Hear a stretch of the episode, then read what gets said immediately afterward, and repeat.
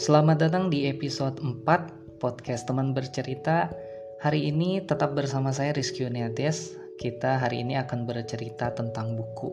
Apakah masih pentingkah buku di era yang sudah digital ini dan seberapa pentingkah buku untuk kita baca di hari-hari ini? Teman-teman, saya sudah mengajukan angket atau polling beberapa waktu yang lalu di Instagram pribadi dengan dua pertanyaan yang pertama adalah pertanyaan, seberapa pentingkah buku untuk kita? Maka hasil jawabannya adalah lebih dari 90% menjawab bahwa buku in, buku adalah penting.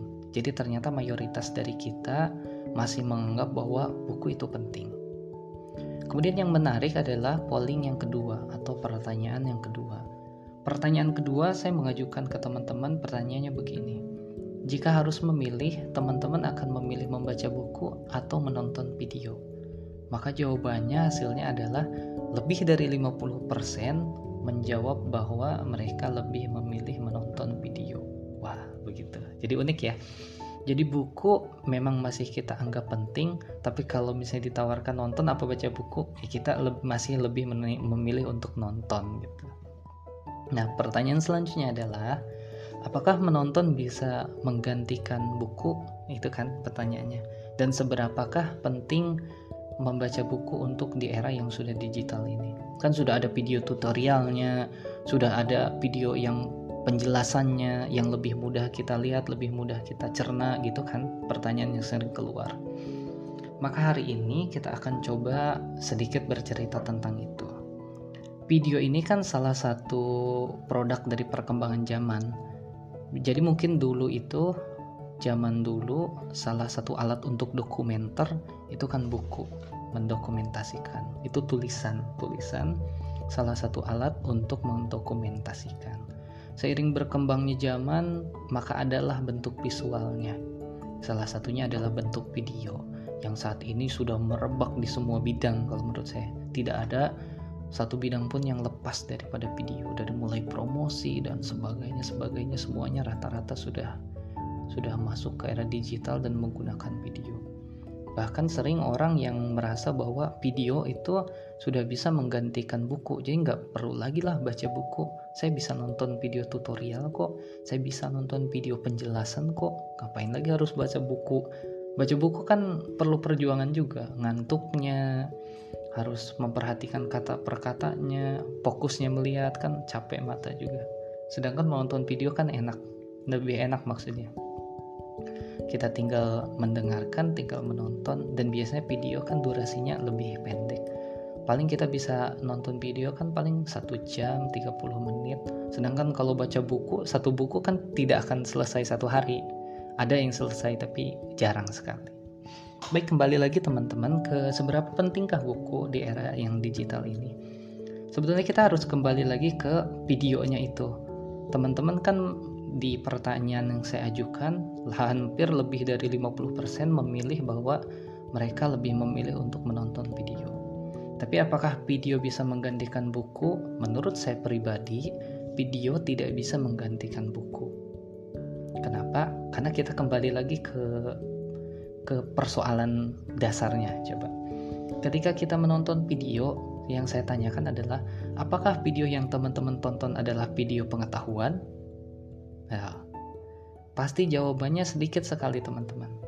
Pasti jawabannya sedikit sekali. Karena yang lebih banyak kita tonton di sehari-hari itu cenderung lebih ke bukan video pengetahuan. Lebih bukan ke tontonan pengetahuan, tapi kita jujur saja pasti lebih banyak menonton yang sifatnya hiburan. Karena saya juga sering mengecek teman-teman di YouTube itu yang setiap hari viral, yang setiap hari trending itu bukan video-video atau konten-konten yang berisi tentang pengetahuan, tapi justru konten-konten yang isinya sebatas hiburan. Jadi sebenarnya kita tidak bisa mengkomparasi atau mengkomparasi antara buku dengan tontonan kita. Karena buku itu kan bisa kita bilang sumber dari pengetahuan. Sedangkan video kita yang sering kita tonton belum tentu isinya pengetahuan. Bahkan kebanyakan video yang sering kita tonton yaitu seperti yang saya tadi bilang isinya adalah sebatas hiburan. Jadi menurut saya video tidak bisa menggantikan buku. Gitu. Mungkin alasannya akan berbeda-beda dengan yang lain dan sebetulnya alasannya tidak hanya satu. Tapi kali ini saya akan bercerita tentang satu alasan saja. Tentang satu alasan kenapa kita masih harus tetap membaca buku. Yang per, ya satu alasan itu.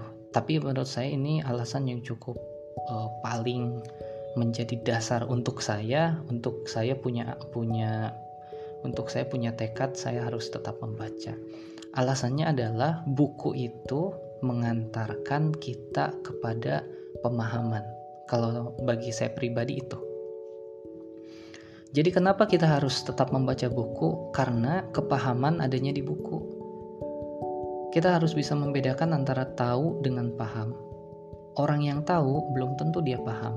Orang yang paham, saya bisa jamin bahwa dia pasti tahu. Begitu teman-teman. Dan kita bisa mendapatkan kepahaman itu salah satunya ada di buku. Karena buku biasanya menjelaskan secara rinci satu persoalan, satu masalah atau satu teori dijelaskan secara terperinci dari segala segala sudut pandang dan dengan segala teori yang ada. Sedangkan jika kita menonton satu video, jarang sekali yang akan menjelaskan sedalam buku. Itu, itu. Jadi saya kira sumber penget, sumber kepahaman salah satunya ada di buku.